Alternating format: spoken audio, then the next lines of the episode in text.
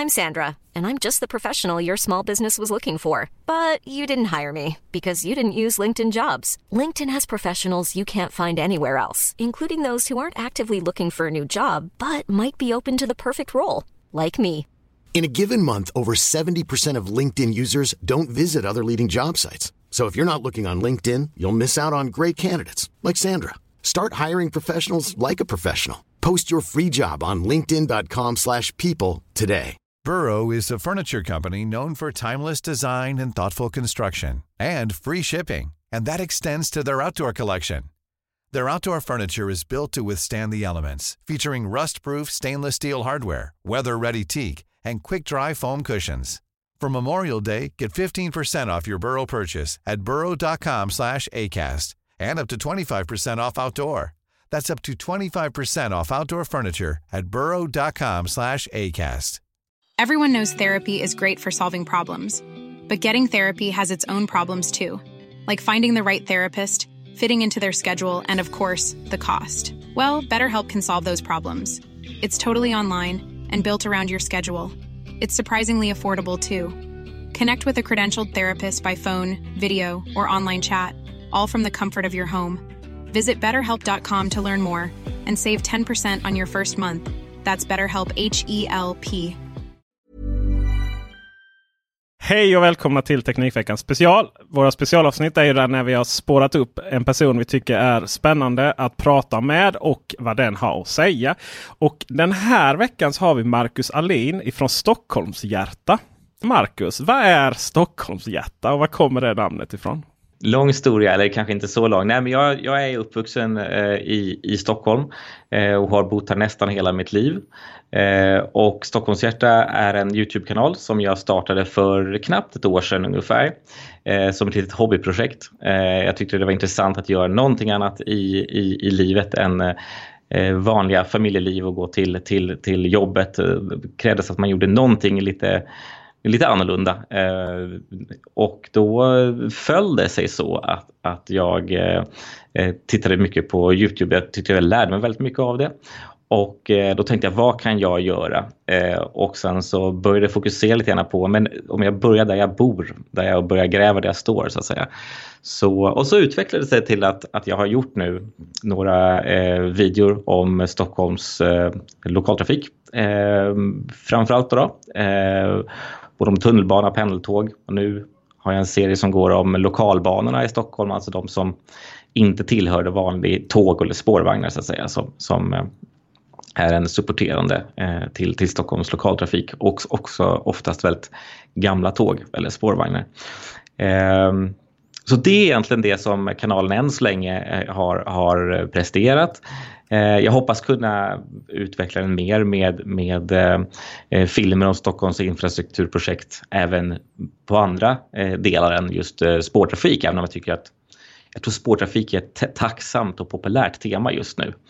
Eh, men även vägnät och, och eh, flyg och så att säga eh, Ja, det finns ju massa typer av infrastruktur, även, även elnät och avloppsnät och så att säga, som också kan vara intressant i, i, i ett sammantaget eh, eh, eh, en, en sammantagen diskussion så att säga. Så, att, så där, det, det, det är där vi har börjat i alla fall. Så får jag se vad jag, vad jag landar till slut. Jag har så mycket frågor om det här. uh, ja, vad roligt. Ja, vi är ju en teknikpodd uh, och då kan ju vän av ordning undra. Men vad har, vad har tåg och tunnelbanor och tvärbanor och vad har det med teknik att göra? Ja, nej men alltså det är väl så att jag, om, om vi går tillbaka 150 år så har vi liksom, då var ju tåg den senaste tekniken eh, att transportera sig. Då gick man ju från häst till eh, spårvagnar och, och tåg. Eh, det var ju den senaste tekniken. Sen så när bilar och bussar kom så, så konkurrerades ju tåg och spårvagnar ut eh, mer eller mindre. I alla fall på, på, även på längre avstånd naturligtvis. Då, då. Eh, och sen så idag så har ju på något sätt spårvagnar och tåg har ju fått ett uppsving i och med ny teknik och också ett annat miljötänk. Eh, tror jag att, att, att, att spårbunden trafik eller spårtrafik har fått ett, en, en stutt, större popularitet. Och sen tror jag många tycker också att, att, att det är trevligt att åka med, med tåg eller spårvagnar. Eh, och jag tror också en, en, en, eh, en aspekt som jag fick också när jag gjorde en intervju här förra veckan eh, just det här med att jag tror att personer som bor nära en station eller hållplats på en spårvagn eller tåg känner en viss trygghet att den här hållplatsen eller stationen kommer vara kvar. Om, eh, jämfört med en busshållplats som kanske flyttas. Om man har flyttat in till ett nytt område så vet man att det finns en tunnelbanestation eller en, en spårvagnshållplats. Eh, då, jag kan tänka mig att det gör ett visst uppsving och viss stabilitet till det området som kanske gör det mer attraktivt. Eh, och det tror jag är någonting som kanske idag är intressant när man Eh, ska utveckla eh, nya områden och nybyggnation och sådana saker. Att man tänker på sådana saker. Eh, och även för gamla områden som sagt som kanske behöver få ett uppsving så tror jag att eh, det kan vara ett alternativ, i alla fall om man har en, en ett högt antal resenärer varje dag att, att eh, kika på spårtrafik. Men som sagt, jag tror, inte det, jag tror inte bara att det kommer vara spårtrafik i framtiden. Jag tror även att det kommer vara viktigt med, med vägnät och, och flyglinjer och allting annat som vi har. Vi är ett stort land och det är klart att det, det påverkar våra förutsättningar hur vi ska transportera oss runt i landet. Um, så det är väl lite grann en teknikkoppling i alla fall. Att jag tror att eh, eh, tar man in miljöaspekten, miljöteknik eh, och sen så naturligtvis även eh, tåg och fordon i övrigt och eh, nya elektriska bilar och du har eh, soldrivna fordon och så vidare. Det, det är väldigt spännande tycker jag. Vi kommer strax komma, fortsätta den vägen, eh, just det här elektrifieringen som ju kom rätt tidigt i Sverige. Men först så måste jag ju fråga, eh, har du spelat Transport Tycoon Deluxe? Det har jag nog gjort, det var nog några år sedan men eh, det, det kan jag nog erkänna att jag, jag, vet inte, jag tror till och med att det fanns någonting tidigare än så som hette någon sån här Railroad Tycoon eller något liknande. Eh, och Transport Tycoon också med, med bussar och flyg och såna här saker också. Så det, eh, det har jag gjort. Hur gammal är du? Det var många år sedan. Jag är 40. Ja, just det. Då, för jag vet, jag höll på med det extremt mycket i högstadiet. Och mindre läxor, mer fantastiska snabbtåg emellan eh, städerna där. Och, och just det, Railroad Tycoon fanns ju både då och så har kommit lite efteråt. Men eh, det är, jag förstår faktiskt inte varför inte City och sånt. Men det finns ju någonting med att binda samman eh, orter och, och inne i orterna som är, som är spännande. Och för att svara lite på min egen fråga där så tror jag att människor ser tågen och bussarna som något ganska självklart. Men eh, som bara finns där. Det är ju rätt avancerade. Det är rätt mycket beslut som ska tas när, när man bygger. Ja, eh, I den, den videon om eh, tvärbanan till exempel som du gjorde så, så nämnde du det här att det var lite kontroverser för att den var väldigt dyr att bygga. Jag tror, att man, jag tror att man, när man har byggt den så har man rustat den för att den ska kunna gå snabbare. Den ska ha ett eget signalsystem just för att liksom, eh, kunna bli snabbare och också mer pålitlig.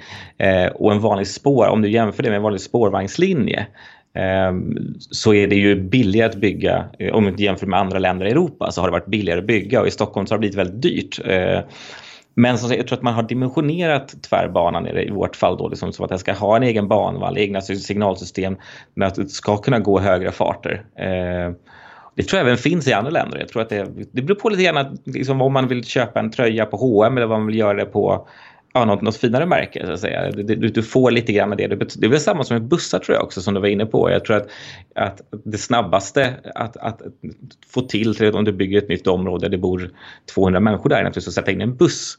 Och det är som sagt, det, det första steget. Och när du kommer upp dig i, i så att säga, i eh, behov, att det, det, finns väldigt många resenärer längs den här busslinjen, ja men då kan det bli intressant att se att ska jag rusta det här istället för 50 eller 100 år framöver, då kanske jag måste ha någonting mer som har en större kapacitet. Och det är då jag tror att, att, att, att, att eh, den kapaciteten eh, krävs. Och det är det som jag också tror var just tvärbanans roll att, så att säga, dels ersätta bussar men också det faktum att den skulle kunna avlasta tunnelbanan. Och då var det tror jag, därför också man, man rustade upp den så pass mycket. Eh, att man dimensionerade den så pass att den skulle kunna klara av en högre belastning även i, i framtiden. Du säger tror mycket här. I dina videos så har du rätt mycket dina videos. Vi har inte pratat så mycket om dina videos men du, du har gjort dem eh, som du sa. Du sa tunnelbanan, du sa eh, tvärbanan. Vi har eh, de nya eh, smalspårsbanan i Roslag, Roslagsbanan heter den va? Den senaste. Ja just det, den, den, den är väldigt gammal. Det är den, senaste, den nyaste filmen men den, den är ju från 1800-talet. Den är ju väldigt gammal till och med och eh, den, den, det, jag tyck, det var väldigt intressant för att det sätter, det sätter liksom fingret på en grej som jag har funderat mycket på. Eh, inte bara i Stockholm, nämligen det att man faktiskt tog bort lite räls. Men innan det så igen då, du säger tror, för du jobbar ju inte med det här. Nej, det gör jag inte. Jag, jag är ekonom eh, och jobbar med finansanalys. Så jag tror att därav som, som eh, det finns ett stort intresse för eh, för den ekonomiska aspekten eh, bakom infrastruktur. Det är en stor utgift i, i statsbudgeten. Eh, men sen beror det på lite grann också vad vi jämför den med. Statsbudgeten är ganska stor och vi lägger väldigt mycket pengar på saker som kanske inte har lika bestående natur, alltså lika bestående värde.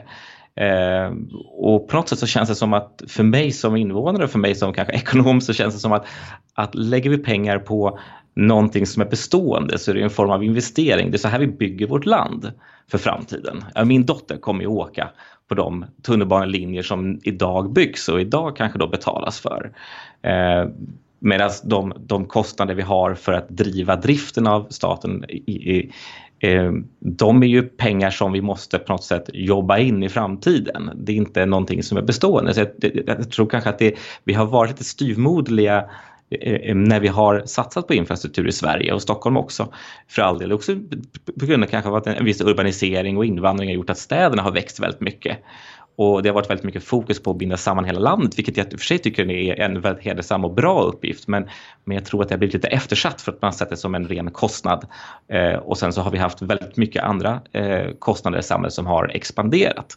Vilket gjort att det har blivit, man sett infrastrukturinvesteringar som en, som en ren kostnad. Sen finns det naturligtvis underhåll av både vägnät och, och järnvägsnät som har eh, så att säga eh, en, en, en, en eh, ren kostnadspost givetvis att underhålla järnvägen till exempel. Ehm, men jag tror ändå att det har varit en viss, eh, en viss eftersatthet i, i, i eh, vi har inte byggt ifatt infrastrukturen i Stockholm och inte i Stockholm, eh, i Stockholm eller i Sverige tror jag. Den har varit eftersatt. Så sagt, jag kommer från en ekonomisk ståndpunkt. Sen så har jag alltid haft jag har visst politiskt intresse också. Och som sagt just för de här frågorna, även energifrågor tycker jag är väldigt intressant. Ehm, och sen så tror jag också att det finns en, en, en, en, en tanke, jag vet inte om det är någonting, med någon slags systemvetenskap också, hur man bygger saker smart på något sätt. Både så att det ska kunna vara ekonomiskt också kunna lösa samhällsproblem. Eh, så därifrån tror jag att min, min utgångspunkt är. Det var kul att du sa att du var ekonom. Uh, för att uh, det finns ju olika värden när man bygger saker. Först och främst vill jag dock prata lite om att riva saker. Mm. Du sa att det var bestående. Att det finns en viss säkerhet i spåren. De är svåra att ta bort. Men just då i senaste filmen om Roslagsbanan så gick du på en väldigt fin och trevlig naturpromenad.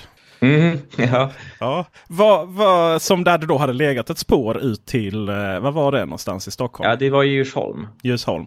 Mm tänk vilken möjlighet det hade varit för de som bor där i det området att kunna gå till tåget, i detta fallet smalspårståget, och ta det in till Stockholm. Men spåren in till Stockholm har ju också rivits upp och den har rivits upp. Varför rev man upp massa spår? Det hade ju varit legendariskt fint att slippa lägga om dem igen.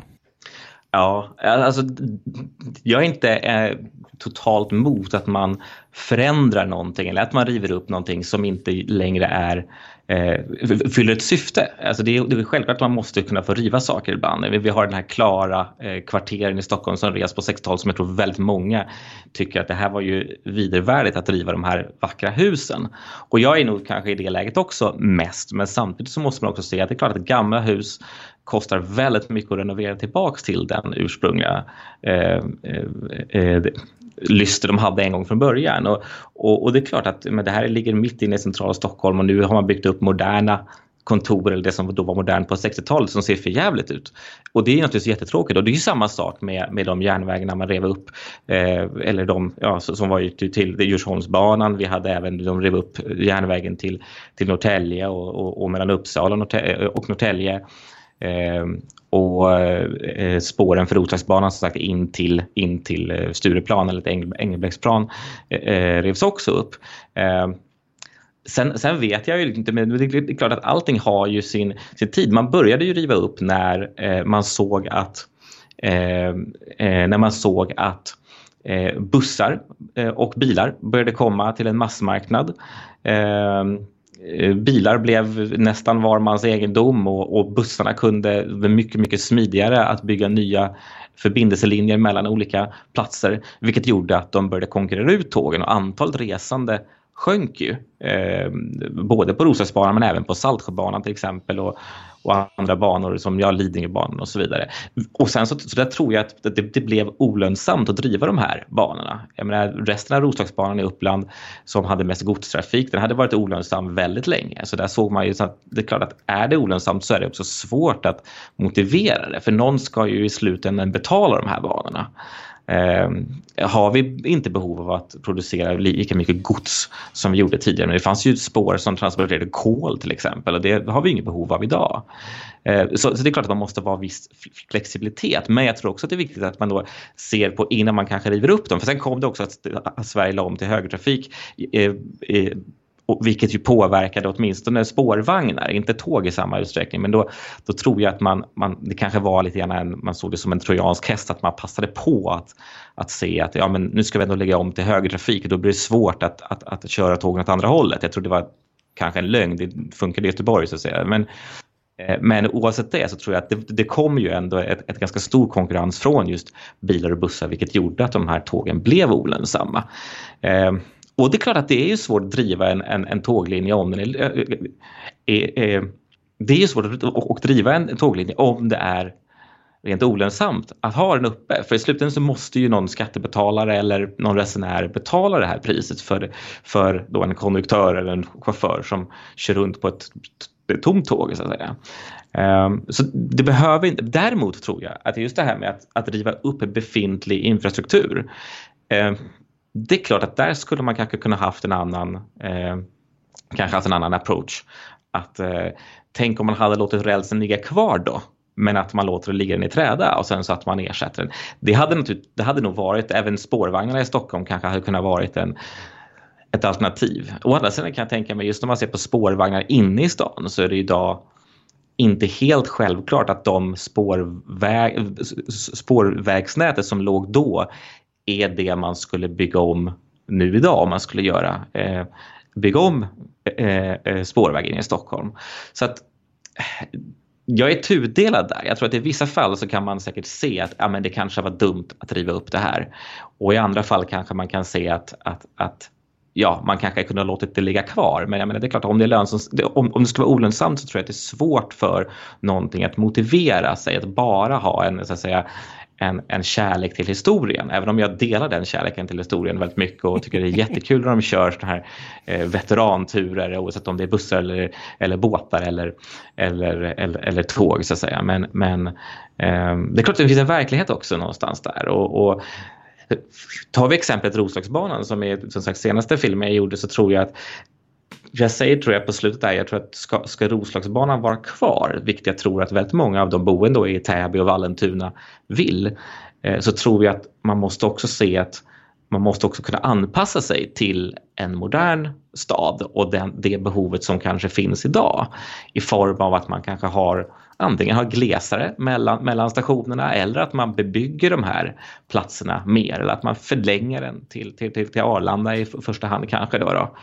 Och eh, ja, nu, nu ska man förlänga den in till, till, till, till Stockholm city eller till T-centralen. Det kommer vara väldigt, väldigt dyrt projekt. Eh, men, men jag tror ändå så jag att det är ett sätt för den här banan att utveckla sig och det är klart att någon kommer ju att, alltså att, att säga, få se sin station läggas ner medan någon annan kommer se att den eh, förhoppningsvis då kommer att betjäna fler personer någon annanstans.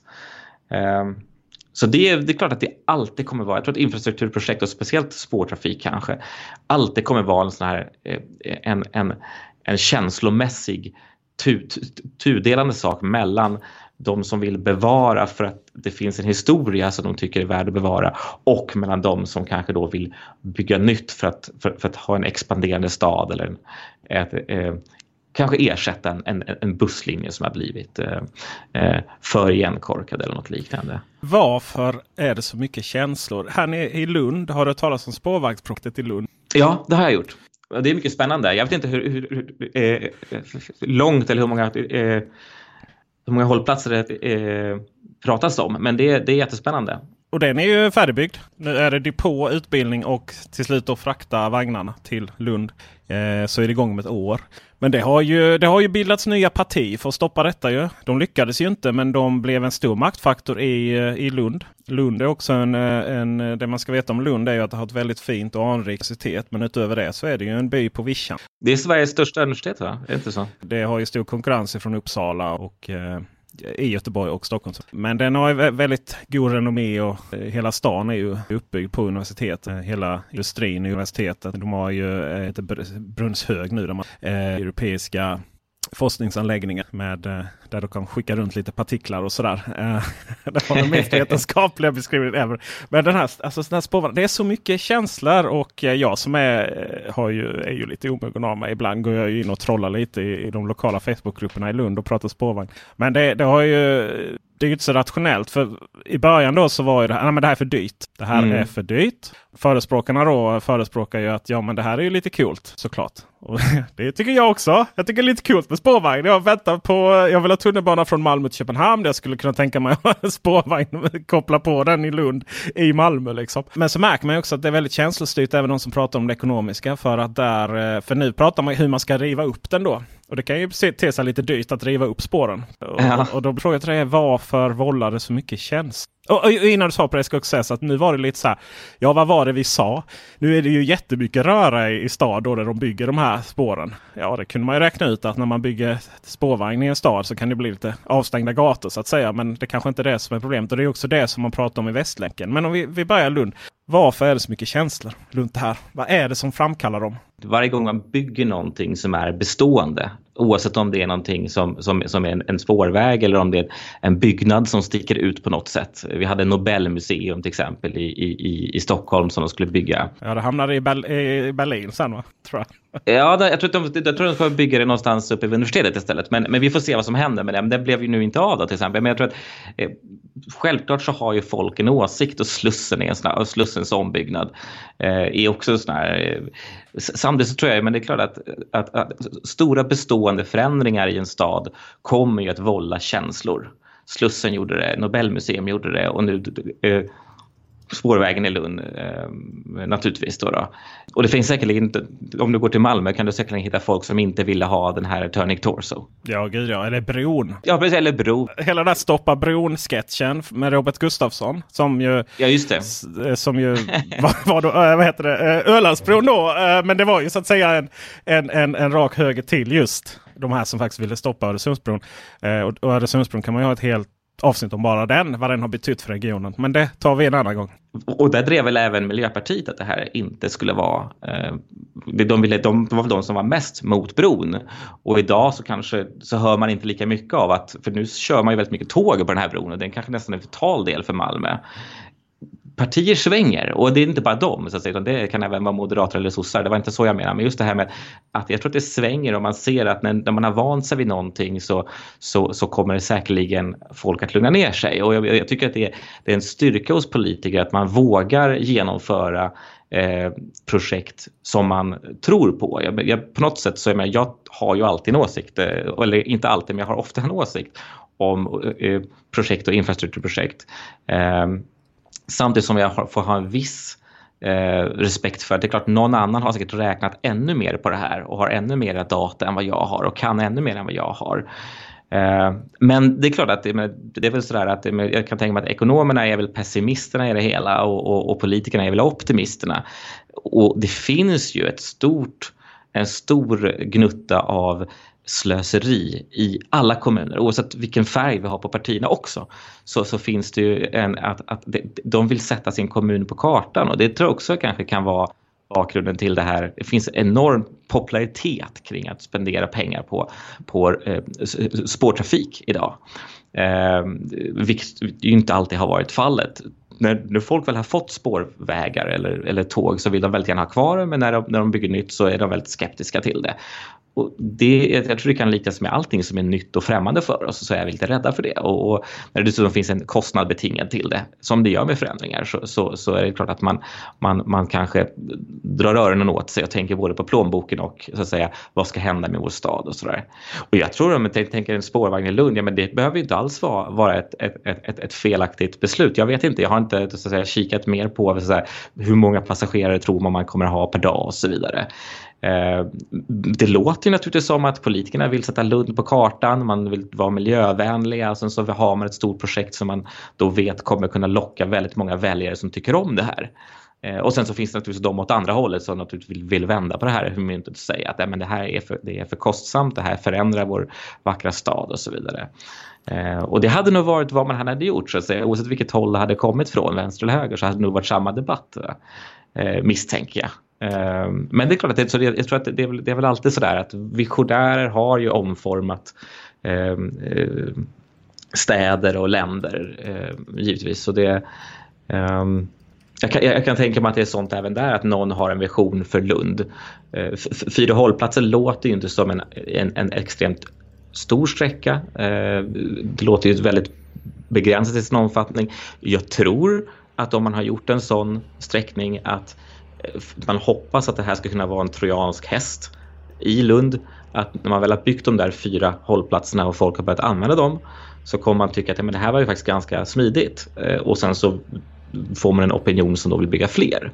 Ehm, det är så som jag tror att Spårväg City till exempel har funkat i, i, i Stockholm när man tog över, att man först startade upp en historisk eh, linje eh, som gick från Norrmalmstorg till Djurgården för turister och sen så såg man att oj det här var trevligt och sen så nu är det väldigt många som vill bygga vidare på spårvagnar. Jag kan tänka mig att det, att det är likadant i Lund. Det som jag tycker är fint med det är att Lund C då, om man kommer till Centralen och sen första, första hållplatsen är Universitetssjukhuset. Ett universitetssjukhus som så att säga tar väldigt stora delar av Skåne och det är Sverige också för de är specialister. Och sen är det Lunds tekniska högskola, Ideon och sen kommer man då upp andra sidan eh, då, där det byggs nytt då. Eh, höjdpunkten Såbjebrunns högcentrum Max. Eh, Max 4 heter den. Det vet skåningar vad det är. Och sen Science Village då som överhuvudtaget inte byggt. Eh, så att den, den går igenom Lund eh, men, men, just det här att eh, jag vet själv nu liksom hur jag körde mina föräldrar till sjukhuset av rutin. Och, ja, de känns lite otrygga liksom hur man tar sig dit och så vidare. Vilka bussar det är och så. För, jag sa jag kör dem istället. Eh, men hade det varit en eh, spårvagn där så ja, då tar du Lund och sen så tar du spårvagnen och så första hållplatsen. Klart! Precis, och jag tror att jag tror vi kommer tillbaka till det här. Jag tror att, att, att, att, att spårbunden trafik skapar en en, en trygghet. Eh, så att säga. Folk vet, det är lättare att förstå en linje på fyra hållplatser eller nio hållplatser eh, vart den går någonstans. Och det, det, det är svårt så att säga att medan bussar kan, det kan vara en inställd hållplats eller flyttad hållplats och, och ja, så att säga. Det är mindre tryck på så sätt. Och det finns också studier, jag såg någon dokumentär från, från USA tror jag att det var, att, att, för där är också en viss trend att det är lite trendigt att bygga spårvagnar. Men man, och man ser väl det, visst du kan ju bygga en, en, en banvall där det går en buss i samma banvall så att säga, istället för en spårvagn. Då fyller det ju samma syfte. Eh, däremot vad man ser är, är att fastighetspriser stiger och områdena blir mer attraktiva när man bygger spårvagnar eh, istället. Då. Och tunnelbanan likaså naturligtvis, kanske ännu mer i Stockholm. Ehm, eh, den, den, har ju en, en, en, en längre och snabbare sträckning oftast. Eh, så, så att jag kan tänka mig att det är också så att vill man utveckla Lund för 50-100 år framåt så kanske här man börjar. Um, och, och, det är ju ett trevligt sätt på så sätt. Också det här med, jag pratade också, det finns en ekonomisk aspekt på det också. Det finns en brytpunkt om du har ungefär 50-60 000 passagerare per dag. Så ser man att slitaget på bussar, att kunna ta så, varje buss kanske rymmer en 50 personer eller 50-60 personer, En spårvagn kan ta över 100 eftersom du kan koppla på en ytterligare vagn då, om du har eh, rusningstid till exempel. Så du har en chaufför per, per, per, per 100 passagerare istället för att du har, behöver ha två, tre bussar då kanske för att ta samma kapacitet. Eh, och sen att en spårvagn kanske håller då i 60 år åtminstone istället för att den håller kanske 10-12 år som en buss gör. Så där börjar den ekonomiska aspekten komma in. Att, att, att dels så ser man då att, att, att markvärdena stiger, man kan sälja marken runt omkring till högre priser. Eh, det blir mer attraktivt också kanske driva butiker eh, runt de här hållplatserna. Eh, och också det att du har då att på lång sikt så kan du ha en lägre personalkostnad, du har färre chaufförer, du kan till och med också automatisera spårvagnarna, du behöver kanske inte ha någon förare, det kommer säkert när det gäller bussar också för all del.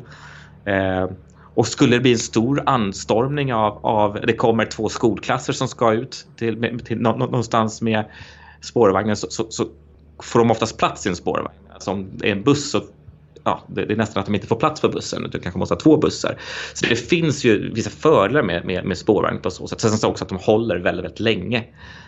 Um, så att där kommer det ekonomiska, där ty tycker jag är, är kanske liksom en intressant eh, för mig som ekonom också att se att men, det här kanske kan vara eh, eh, en, en, en ren ekonomisk aspekt också. Och framförallt nu, ja, men nu kanske vi kommer in på mer, lite mer ekonomiska termer, men vi har väldigt, väldigt låga räntor nu, vilket gör att våra investeringar, vi, vi kan beräkna våra investeringar på, på en längre tidshorisont. Eh, har vi höga räntor så måste vi få tillbaka vår investering snabbare för att vi har räntekostnader. Har vi låga räntor så, så kan vi göra investeringar på längre sikt och då blir ju tåg också mer intressant eller spårvagnar. Eh, så det kan jag också ha, det kan jag tänka mig har en, en, en, en, en vikt in på det beslut man har tagit i Lund.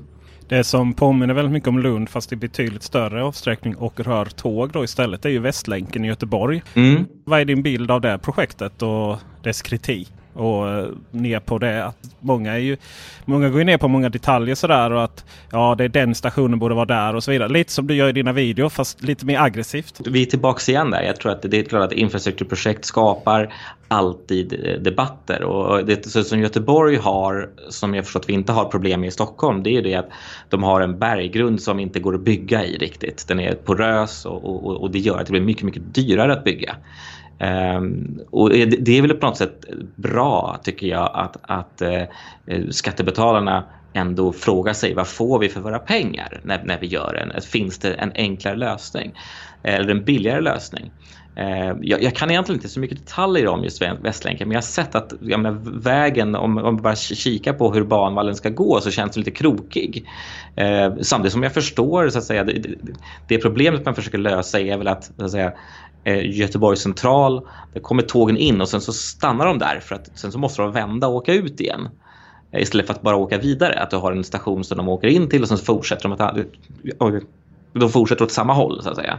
Eh, vilket ju är en smidigare eh, variant på, på, på tåg. Om du till exempel har ett tåg från Stockholm eh, via Göteborg till Malmö så kan den fortsätta åt samma håll. Och det är klart att det är en, det är en, det är en smidighet. Och Eh, jag tror på, det beror på lite grann vilken tidshorisont vi ser det på eh, och, och jag tror att eh, eh, det, det verkar ju dyrt att bygga tunnlar i, i Göteborg. Det är väl det som många reagerar på. Eh, Men det är väl på något sätt eh, logiskt att vi har en emotionell eh, väljarskara även om det här inte verkade vara så att säga, en höger-vänster-fråga utan snarare lite grann eh, Eh, eh, eh, vänster och höger ville bygga och vänster och höger var också emot. Och det är, det är klart att det, det, visar ju också att det kanske inte är en politiserad eh, vänster och höger-fråga utan snarare en, en fråga om hur man vill bygga. Sen så är det klart att det kommer alltid finnas personer som vill att stationen egentligen ska ligga där och såna här saker. Det, det, det, det där på något sätt, jag eh,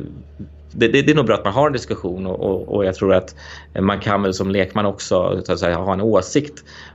Förhoppningsvis så har man väl haft eh, den eh, diskussionen innan man börjar bygga.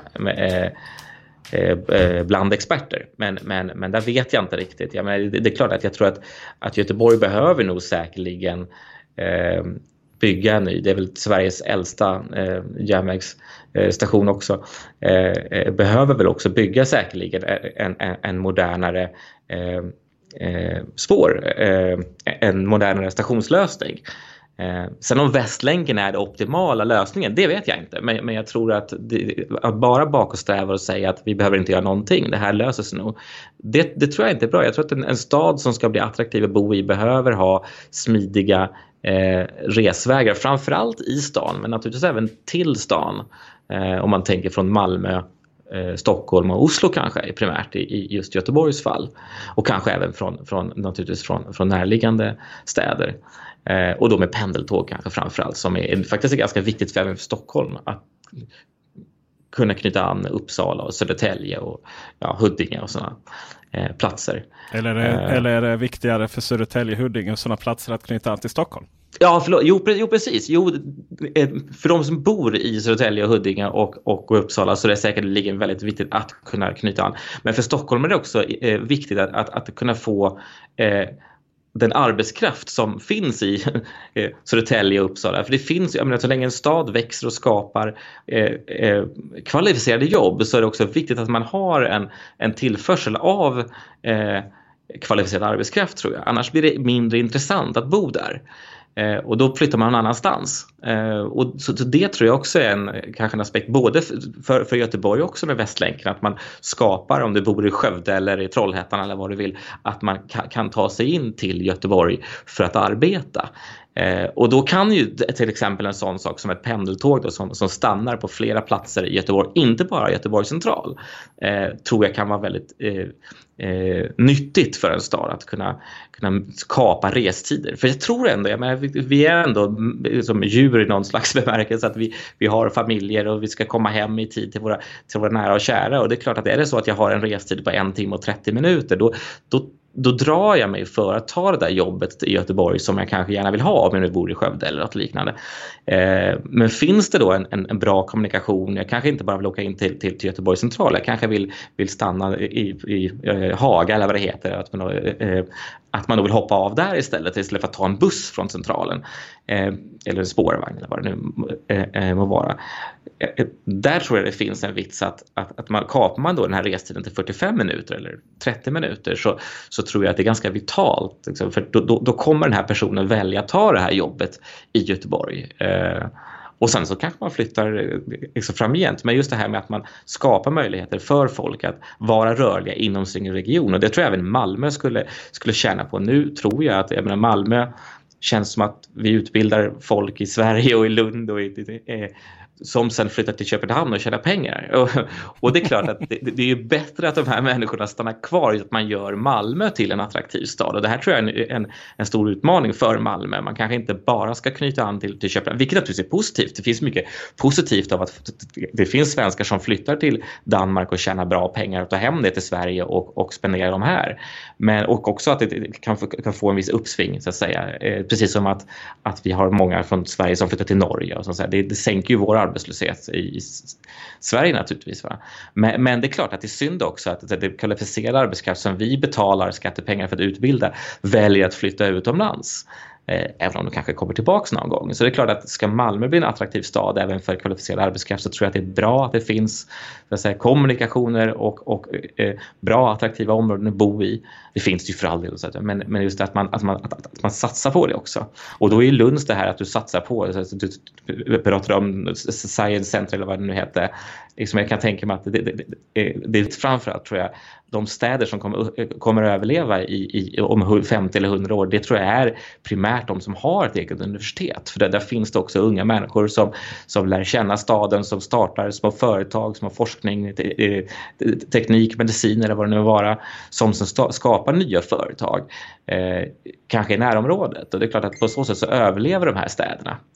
Ehm, så, så, så, så, det tror jag kan tänka mig som att har man då inte en attraktiv stad med, med bra kommunikationer eller att man måste bo långt i landsbygden eller man får pendla. Då, jag tror att jag menar, folk pratar engelska idag, vi kan lika gärna bo i Danmark eller Norge eller Tyskland eller, eller Holland eller England. Ehm, så, så det är klart jag tror att det är viktigt att vi, att vi bygger attraktiv stä, attraktiva städer som det går att bo i. Och där tror jag infrastrukturen spelar roll och inte bara, inte bara Eh, Eh, spårvagnar och tunnelbana utan även att det finns goda kommunikationer med väg eh, och, och, och eh, flygplatser men också sådana banala saker som vi tar för självklart som du var inne på tidigare som vi tar det här med att spårvagnar och sånt och tåg fungerar bara med automatik. Men det är klart att någon ska ju bygga de här också. Någon ska, ska driva de här. Någon ska bygga elnät, någon ska bygga avloppsnät, någon ska bygga fjärrvärme eller vad du vill. Eh, det är också någonting som jag tror är eftersatt när det gäller infrastruktur och eh, det är klart att om det, det var väl någon industri, du får rätta mig om jag hade, för det var någon industri som ville, var det Perstorp som ville bygga en, en industri i, i, i Malmö men så hade man inte tillräckligt god strömförsörjning. Det finns sådana problem och det finns annan industri här nere som har uppmärksammat på det. Nu, just Svenska kraftnät har ju varit lite, ska vi kalla det, eftersatt på på ledningsnivå. Ja. finns eh, ledningar och ställverk och allting men de är inte igång. Det är tråkigt om man lägger ner kärnkraftverk ur den eh, synvinkeln. Eh, det finns ju en annan sak här nere som är väldigt eh, sak, fascinerande. Man lyckas bygga en bro Eh, som ju har betytt extremt mycket då för Malmö. Man exporterar arbetslöshet som genererar skattepengar. Eh, det som sen uppstod då var ju att man då inte lyckats skri eh, skriva ett skatteavtal med Danmark. Eh, som man ju brukar göra så att skattepengarna blir kvar där så att säga. Just i gräns då liksom om man har stor befolkning. Man, man gör ett stort infrastrukturprojekt ihop så som man gjorde med Öresundsbron. Då, då hör det till också att man diskuterar lite vad händer då liksom med alla. Eh, för att alla de här människorna bor ju och får sjukvård i, i Sverige och som man då i Danmark. Eh, så att ibland så hänger inte liksom alla politikområden ihop sådär. Men generellt sett så, eh, alltså det, är, det, är så, det är så spännande för jag har, liksom, jag har tre frågor här när jag vill ställa. Liksom, vad går jag härifrån? Men jag, men jag kommer ändå in på det här eh, kopplingen mellan de olika svenska städerna. Mm. Sverigeförhandlingen, snabb, snabbtågen. vad, vad, vad har vi för ståndpunkt där? Jag tror att vi behöver snabbtåg i, i Sverige eh, på sikt. Eh, och jag tror att det är viktigt att om vi väl bygger det eh, så, så, så ska syftet vara att, att kunna konkurrera med, med flygtrafiken. Eh, och då är det ju primärt att vi pratar om Stockholm, Malmö, Oslo, Köpenhamn eh, och sen några knutpunkter då kanske som Örebro, Jönköping eller vad vi nu, Västerås kanske. Eh, ja, det är det som jag liksom primärt tror är syftet med, med eh, snabbtåget. Och då tror jag att det är viktigt att när man väl gör det så tror jag inte att man ska satsa på ett snabbtåg som går ganska snabbt. Utan i så fall så måste man, det, är bättre i så fall att vänta och bygga färre hållplatser eller färre, färre stationer ska jag säga eh, på vägen och knyta samman de, de stora städerna med så kanske alternativa så att säga, stopp däremellan att vartannat tåg går via Jönköping, vartannat tåg går via Örebro eller något liknande. Eh, och sen naturligtvis också Köpenhamn, Malmö, Göteborg, och Oslo. Eh, jag tror inte bara att Sverige ska behöva göra det här själva. Jag tror att vi, ska, vi måste ta med eh, Stockholm-Oslo som är trafikerat med, med flyg, Stockholm-Köpenhamn naturligtvis.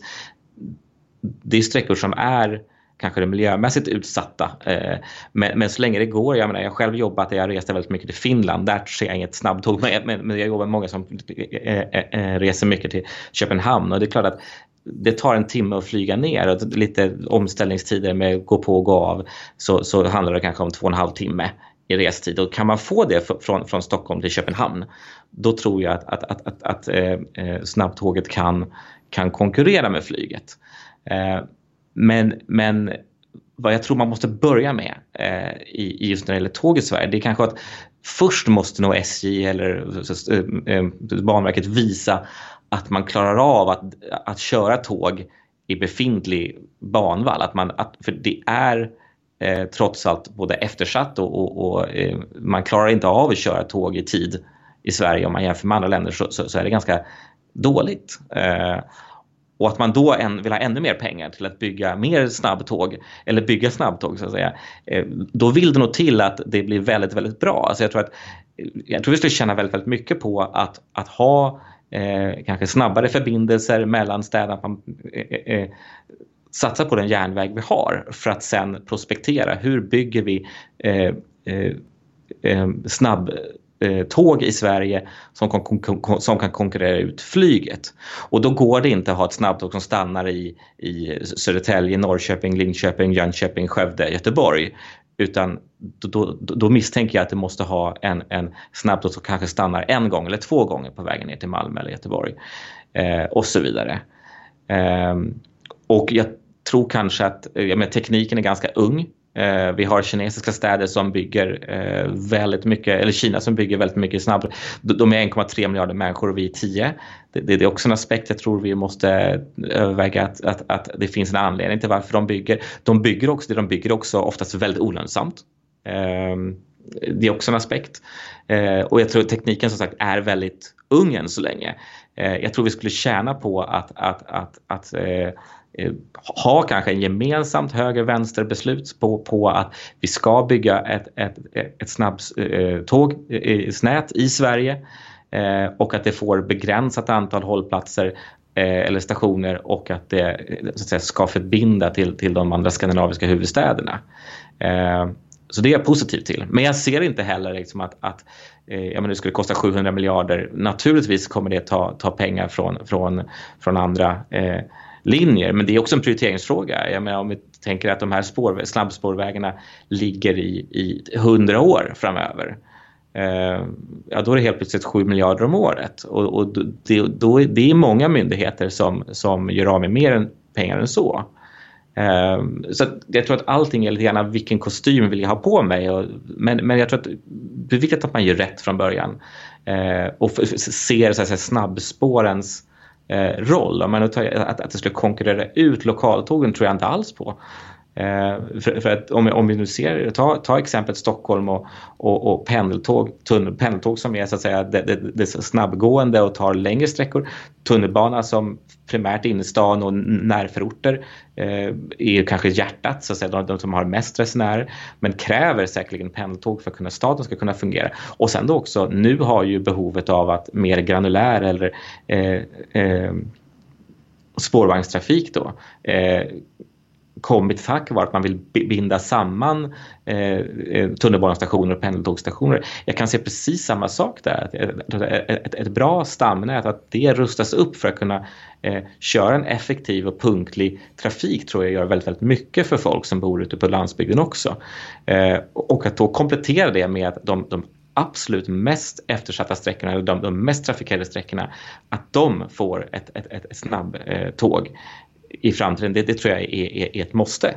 Ehm, men visst, det är klart att flyget kommer vara en konkurrenskraftigt även i framtiden eh, de, de nästkommande 50 åren. Det, det, tror jag. Det kanske måste få vara så för att som sagt, när vi ska åka ner i Europa så, så, tror jag inte att vi kommer sätta oss på snabbtåget till Madrid utan vi kommer nog ta flyget även om 50 år misstänker jag. Planning for your next trip? Elevate your travel style with Quince. Quince has all the jet setting essentials you'll want for your next getaway like European linen, premium luggage options, buttery soft Italian leather bags and so much more. And is all priced at 50 to 80% less than similar brands. Plus, Quince only works with factories that use safe and ethical manufacturing practices. Pack your bags with high-quality essentials you'll be wearing for vacations to come with Quince. Go to quince.com/pack for free shipping and 365-day returns. Hiring for your small business? If you're not looking for professionals on LinkedIn, you're looking in the wrong place. That's like looking for your car keys in a fish tank.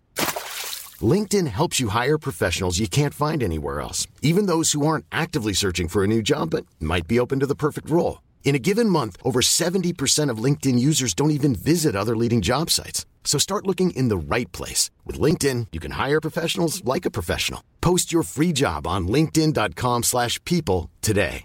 Burrow's furniture is built for the way you live.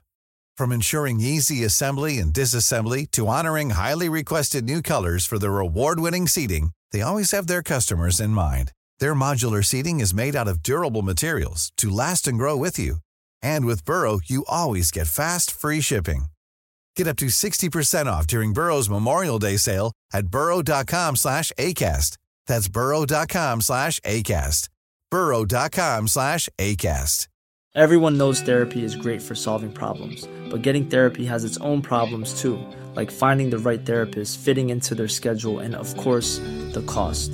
Well, BetterHelp can solve those problems. It's totally online and built around your schedule. It's surprisingly affordable too. Connect with a credentialed therapist by phone, video, or online chat, all from the comfort of your home. Visit betterhelp.com to learn more and save 10% on your first month. That's BetterHelp, H E L P. Since 2013, Bombas has donated over 100 million socks, underwear, and t shirts to those facing homelessness if we counted those on air, this ad would last over 1,157 days. But if we counted the time it takes to make a donation possible, it would take just a few clicks. Because every time you make a purchase, Bombas donates an item to someone who needs it. Go to bombas.com slash ACAST and use code ACAST for 20% off your first purchase. That's bombas.com slash ACAST, code ACAST. Men du, det du säger nu låter ju jätteklokt. Du är ju väldigt klok. Det framgår ju i... eh, finns det ett intresse så brukar man liksom ha koll på grejer. Det är väl det det handlar om. Men, men det du säger nu låter ju väldigt lågt. Välfungerande tåg mellan eh, städerna och sen välfungerande kollektivtrafik i städerna. Och det matchar ihop varandra. Och, och, och det pratar man också lite om Sverigeförhandlingen. Just att man investerar i lokalt. Varför förstår inte alla detta då? Vad är så att säga, vad är det beslutsfattarna vet som inte vi vet? Nej, det, det, det vet jag faktiskt inte eh, om, om de vet heller. Men, men jag tror, alltså jag vet inte om jag, om jag nu har fel om hundra år så kommer jag ju aldrig få reda på det ändå. Så det är klart jag kan ju haspla ut med någonting som låter vettigt. Eh, och det, det, det tror jag, men det, det är väldigt lätt att, men ibland så tror jag att, att sanningen kanske är mer, mer komplicerad än så. Eh, men, men eh, eh, vad vanligt folk inte förstår, jag, jag, jag tror visst att vanligt folk förstår. Jag tror, men eh, vi var inne på det från början. Jag tror att det finns en rädsla för allting som kostar pengar. Eh, och det är svårt att veta om vi säger att det här kostar 7 miljarder. Oj, det är jättemycket pengar. Och det här kostar 700 miljarder. Ja, det är jättemycket pengar. Men vet du skillnaden på det? Det, alltså det är jättesvårt att få en, ett, ett begrepp på hur mycket är egentligen 700 miljarder som snabb, eh, snabbtåget i, Stockholm, i, i, i Sverige ska kosta. Eller 7 miljarder som nu den här förlängningen av Roslagsbanan ska kosta. Det är jättesvårt att veta om det är mycket pengar eller inte. Klart att vanligt, Förlängningen av folk- Roslagsbanan 7 miljarder. Ja, Det är jättemycket pengar.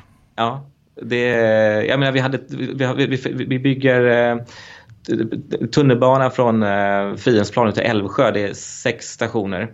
Eh, och det är 12 eh, miljarder. Spårväg Syd som är sex håll, eh, 16 hållplatser. Det är väl motsvarande kanske då. då det spårvägen Lund skulle kosta eh, 4,2 tror jag. Så att, men allt det här beror ju på liksom, vad, vad behöver rivas och, och hur mycket kostar marken i de här områdena. Roslagsbanan ska gå i tunnel. Eh, och, det är klart att tunnel från universitetet in till T-centralen. Eh, jag har hört att det här ändå var den, den- billigaste lösningen. Ska man bygga, eh, ska man bygga tunnelbana upp till Täby så skulle det kosta dubbelt så mycket. Svårt att tro att det skulle vara så mycket det handlar om men det är säkerligen i alla fall en, en, en sju. Jag kan tänka mig varje tunnelbanestation är ungefär 2 miljarder. Eh, grovt räknat då om vi bygger i, i, i, i tunnel och, och spårvagnar kanske 250-300 miljoner. Eh, men det här är väldigt grova siffror. I vissa, vissa svåra sträckningar i, Göteborg som du hade till exempel Västlänken så tror jag säkerligen att vissa sträckor kan kosta 10 miljarder en, en, en station så medan en annan kanske kostar en halv bara för att eh, det är mycket enklare att bygga där naturligtvis. Ja, Min eh, anledning till att jag så här funderade var att man trodde att Citytunneln här i Malmö skulle kosta 3,4 miljarder. Det blev Mm. eh, sen en budget på 9,5 miljarder. Eh, men det ska Mm. sägas att eh, 3,4 miljarder var ju baserat på 92 eh, års eh, Penningvärde. penningvärde. ja. Och sen så 9,5 miljoner var eh, 2001. Den kostade sen bara 8,5 miljoner. Så det var väl någon som fick, miljarder. Så det var någon Miljarder. som fick en, eh, fick en rejäl bonus där eh, när de grävde på. Det är visst extremt enkelt att bygga i eh, här nere. Det är liksom eh, gammal åkermark. Det är bara att plöja igenom. Men, men eh, ja, det går ju på. Det får man ju säga. Och bygga grejer. Det, det, det, absolut, men det, det, är, det är en spännande spel. Jag, jag tror att det är också svårt att veta liksom, om det är dyrt eller inte. Eh, Det här man säger att liksom, det, de säger att ja, det här ska kosta 2 miljarder eller vad de nu hade sagt från början eh, och sen kostar det 9. Alltså, dels ska man komma ihåg att när en politiker vill genomföra ett projekt då finns det ju alla anledningar att hålla prognosen låg för att skapa ett intresse för eller för, för finansiering och så vidare i budgetar och så vidare. Eh, och sen så kostar det 9 miljarder, eller 8 miljarder i det här fallet. Det är inte kanske så att Eh, alltså det kanske inte är så att kostnaden 8 miljarder var hög för det man fick. Det kanske är så att bara att prognosen var väldigt, väldigt dålig.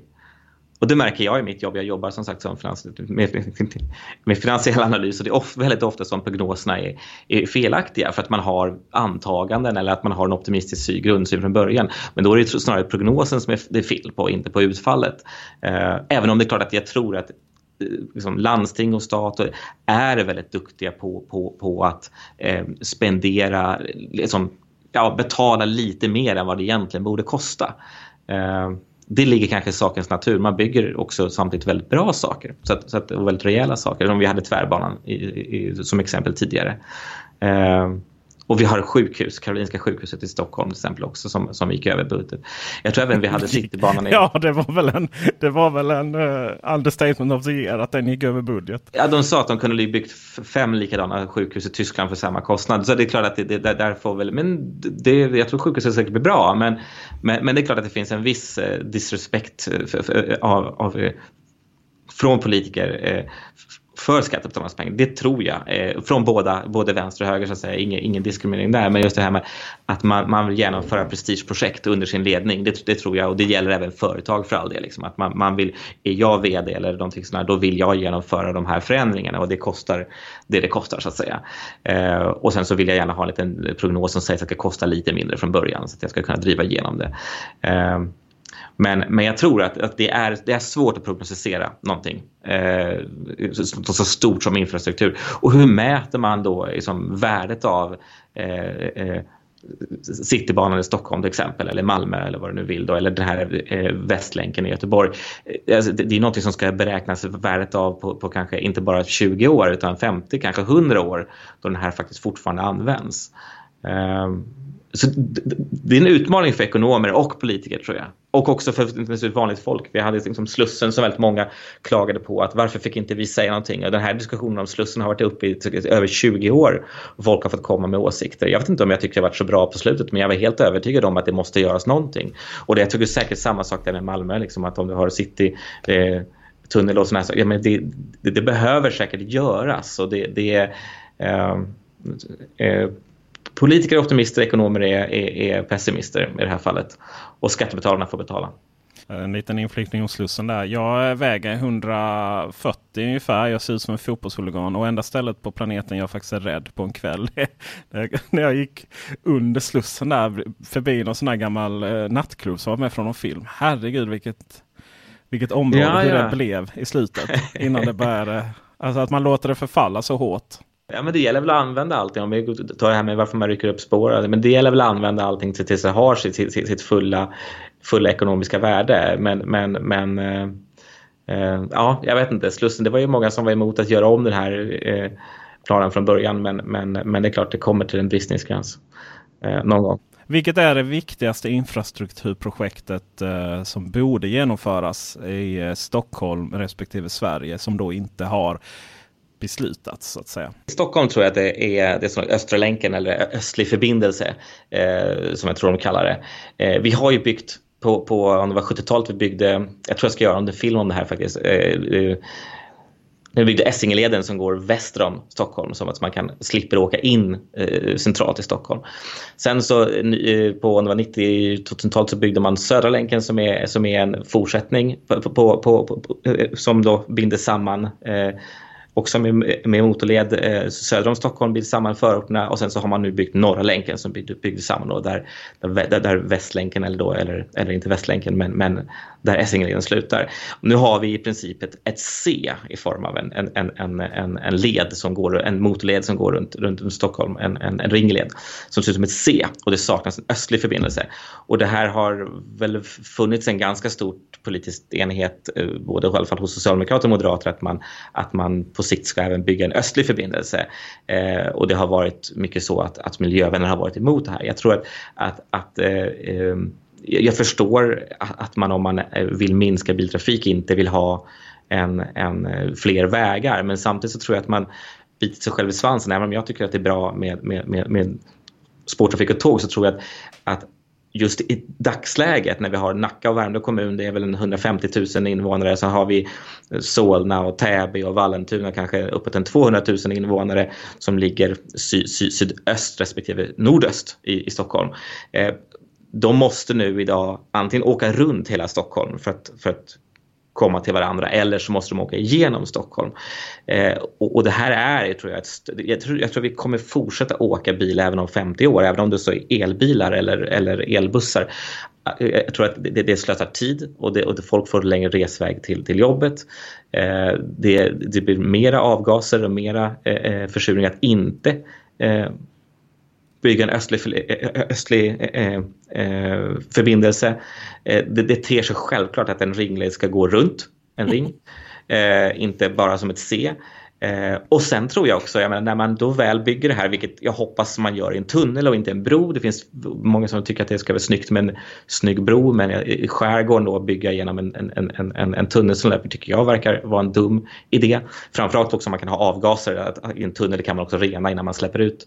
Eh, men eh, att när man väl bygger den här tunneln, att man också då bygger en pendeltågslinje att man kanske bygger tunnelbana eller spårvägar eller vad du vill i en östlig förbindelse runt Stockholm. Det tror jag är viktigt för att, för att eh, minska eh, belastningen på eh, Stockholm. Som sagt, vi bygger redan nu en, en yttre förbifart Stockholm som kommer gå mycket längre ut så att lastbilar som inte alls ska in i Stockholm i alla fall kan åka runt Stockholm. Det kommer säkert bli, bli väldigt, väldigt bra. Men östlig förbindelse är inte beslutad än och jag tror att det, det är en möjlighet både för att, att, att minska pendlingstider för bilar som jag tror kommer fortsätta åka i Stockholm och även stoppa in tåg i den, i den eh, förbindelsen. tror jag skulle vara en utmärkt lösning.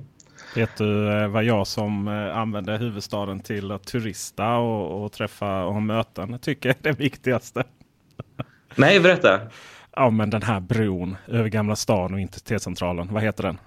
Alltså den som är precis eh, för tågen. Tåg, tåg, eh, tågbron. Ja, ja, precis. Ja, ja, just det. Det, är ju, det, det måste ju vara det fulaste stadsförstörande eh, metallbiten som någonsin har satts på en sån fin plats. Det håller jag ju fullständigt med om. Det, och det här är ju, men det här är ju på något sätt kärnan i det som när, när, när, man, när man byggde ihop södra och norra Stockholm. Eh, den här, eh, om du tänker den, den, den linje där, där, där tåget idag åker, alltså vanliga fjärrtågen idag åker. Och den går ju genom så att säga, Gamla stan och allt eh, synligt så att säga uppe i dagen. Eh, man har ju byggt för pendeltåg nu, en tunnel, det var den som kostade 30 miljarder att bygga så att säga.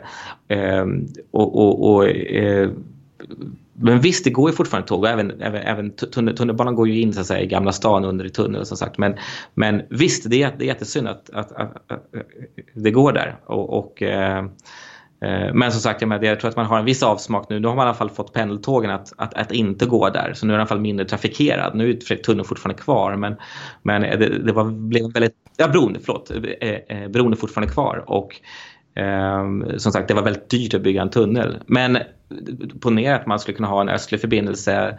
Eh, jag vet inte om man skulle kunna driva fjärrtåg på den i och för sig, den ligger lite fel. Men, men eh, den blir nog kvar inom överskådlig framtid. Men eh, jag förstår din, din, din tanke. Får, jag får blunda. Ja, då, ja, precis. Men det är fin utsikt å andra sidan. Så att om du åker tåg så. Ja, ja från tåget. precis, det brukar vara så. Det är så här, vill man bo i ett eh, fint sekelskiftshus med utsikt rakt in i ett 70-talshus? Eller vill man bo i 70-talshuset med utsikt rakt in i sekelskiftshuset? Det är ju det som är den stora frågan.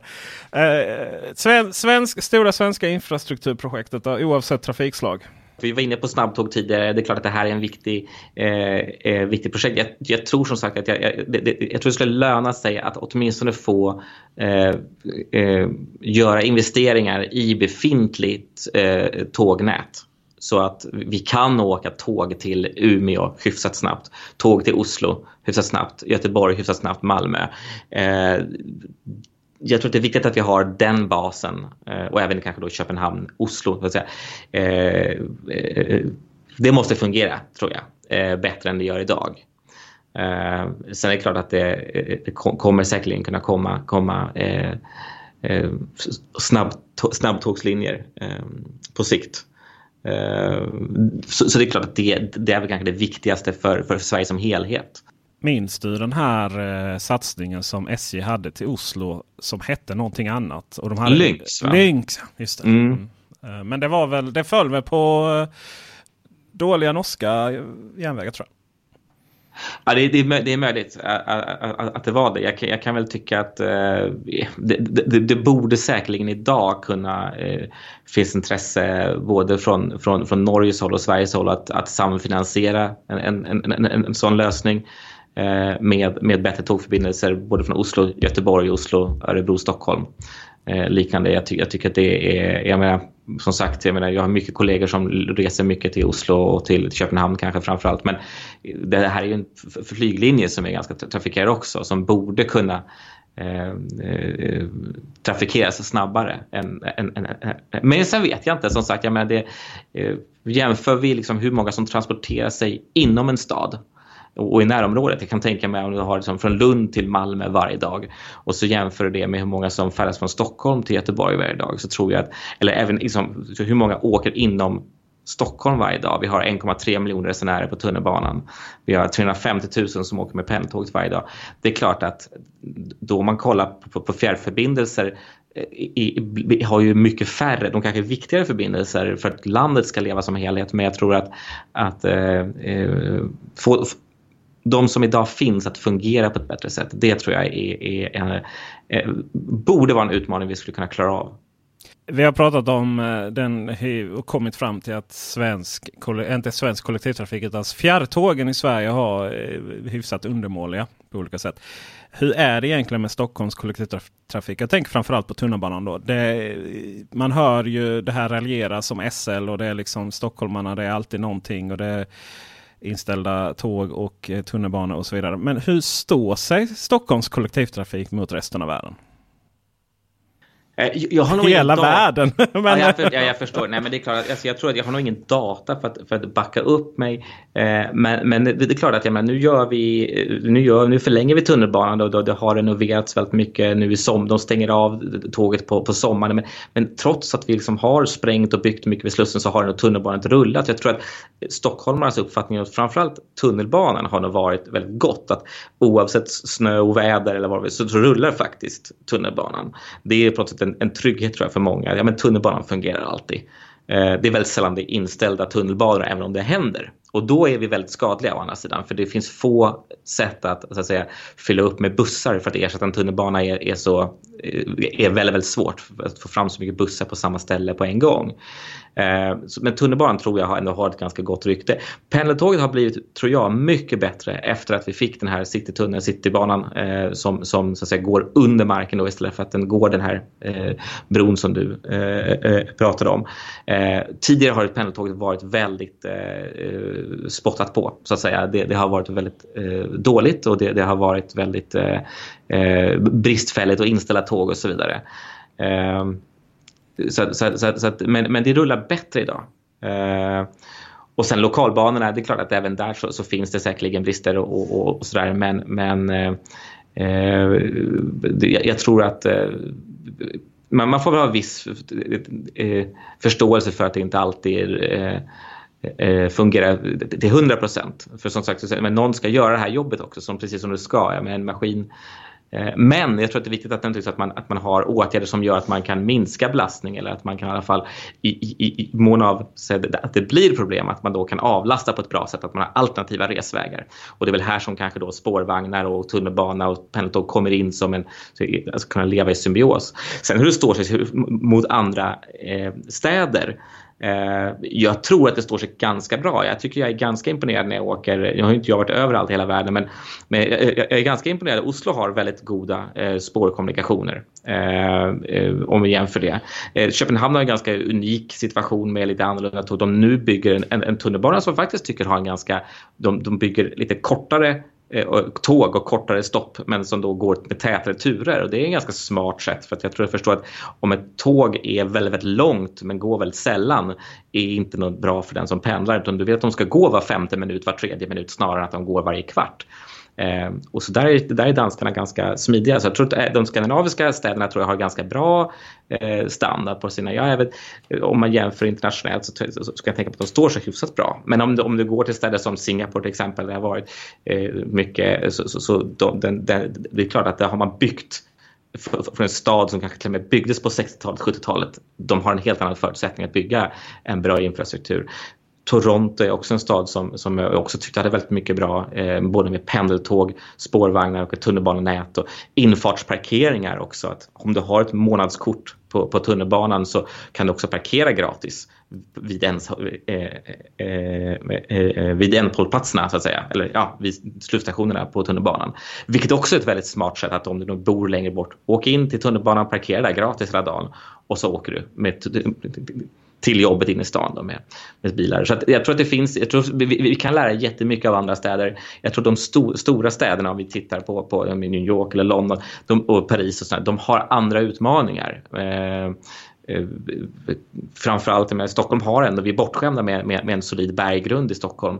Eh, och vi kan bygga eh, både tunnlar för bilar och tunnlar för tunnelbanor som håller väldigt länge. Det är väldigt tacksamt att bygga så det är klart att vi ska utnyttja det mer. Jag är för tunnelbyggande i, i mångt och mycket. Eh, så att eh, jag, jag, tror inte att stockholmarna äh, behöver, jag tror också att vi om vi jämför priset att resa i Stockholm med andra eh, jämförbara städer, vi nämnde Köpenhamn, Oslo, Helsingfors, möjligtvis Amsterdam kanske, så tror jag också att, att, att eh, eh det, är, eh, det, det, är inte alls så att vi kan klaga på att det är speciellt dyrt heller, utan vi får väldigt mycket eh, kollektivtrafik för det vi betalar eh, per månad. Köpenhamns tunnelbana Mm. Det finns en liten rolig detalj där. Det har ju inga chaufförer, eller vad heter det? Ja, precis. Förelöst. Och det, det tror jag kommer i Stockholm också tids nog. Och det tror jag kanske kommer även på spårvagnar i Lund och, och så att säga, eh, 70 procent av kostnaderna för eh, Stockholms lokaltrafik är personalkostnader. Mm. Och, det, och det tror jag är säkert likadant var du än tittar. Men det, det krävs, jag menar, ju mer bussar du för desto fler chaufförer måste du ha. Och, och, och det kanske är så att eh, eh om du kan föreläsa bussar men spårvagnar kräver ju fler chaufförer så att säga. Eh, och, och, och, det finns ju många, det finns ju många även i London och i Lyon och sådana saker som, som är förarlösa. Det fungerar ju uppenbarligen. Du kan ju inte komma ut på spåret. Nej, nej precis. Eh, en annan väldigt gullig sak är att när du eh, eh, längst fram så står det så en liten, liten lapp. Så står det reserverat för de små chaufförerna. Alltså det vill säga ja, det är barn ja. ska få sitta där framme och, och leka. Liksom. Jag, tycker det, jag tycker verkligen det är jättehärligt. En sista fråga, först ett konstaterande. Eh, tidigare jobbade jag med att sälja mobilitetslösningar eh, för bilar. Så att det ja. gick och, eh, ja, i, till företag då. Så att istället för att ha egna bilpooler så löste vi det till dem och eh, så kunde du hyra dem per timme. då. Eh, och i, eh, min erfarenhet var att i, här i Malmö så var det jättevälkommet. Det fanns liksom ingen konkurrens på det sättet.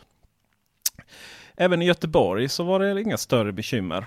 Men i Stockholm så var det betydligt svårare. De hade det väldigt mycket tuffare och för där åkte ju folk tunnelbana istället. medans, medans här nere så det är ingen som tar buss till mötena. Man tog bil, eller det är bil eller cykel. Liksom. Elcykel eller, eller så. Och, och Göteborg samma sak där. Och, liksom, vad är det som gör att det, det skiljer så mycket i det beteendet mellan ett, eh, spårvagnen i Göteborg och eh, tunnelbanan i Stockholm tror du? Jag, jag, tror att det är två faktorer. Eh, eh, eh, dels tror jag att det är så att eh, Stockholm är en större stad. Eh, eh, rent geografiskt, inte bara invånarmässigt men rent geografiskt också. Så det blir längre avstånd. Eh, vilket gör att, att, att säga, tunnelbanan är ju på något sätt ändå en, en, en livsnerv. Som jag tror att, och skulle den stanna en dag så kommer inte folk komma till jobbet. Eh, helt klart, så, så är det bara. I alla fall inte väldigt många. Men sen också, vi var inne på det tidigare, den andra faktorn tror jag också är att eh, vi har också en, en, en, en dålig, eh, eh en ganska eftersatt eh, eh, eh, vägtrafik runt Stockholm och i Stockholm. vi, är på, liksom, vi bor ute på öar, i alla fall i innerstan, Södermalm och Kungsholmen och, och, Gamla stan och vad du vill. Eh, vilket gör att vi måste ta oss runt stan och vi ska genom stan. Man kan åka genom stan, det, finns, det, det är egentligen bara en fil på Klarastrandsleden eh, åt vardera håll. Så att säga. Eller om man åker Sveavägen, samma sak där. Det, det, det är extremt svårt att ta sig fram med bil. Just också med tanke på att jag sa det här med Östra länken. Det är därför jag tror också att den behövs för att kunna avlasta eh, Essingeleden som dessutom då är väldigt mycket trängsel på. Så jag tror att trängseln gör att även om du skulle ha en bil och den skulle vara gratis så vet jag inte om, om du skulle ta den för, om du bor söder om stan och tar dig norr om stan.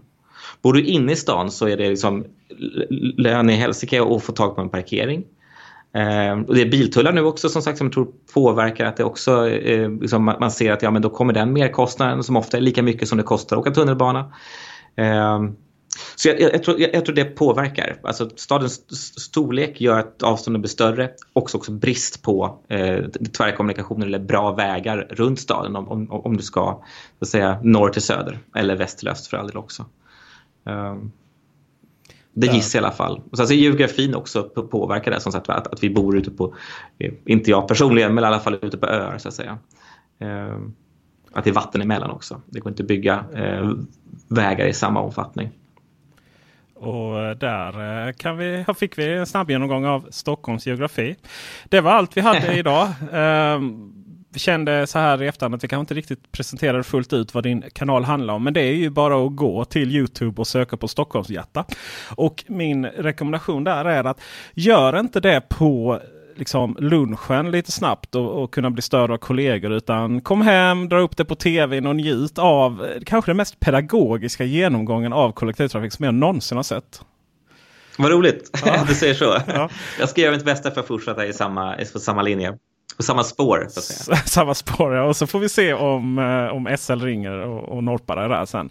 Um, sen så, eller Skånetrafiken kanske. Eller, eller Skånetrafiken, ja precis. Det uh, finns mycket kompetens här.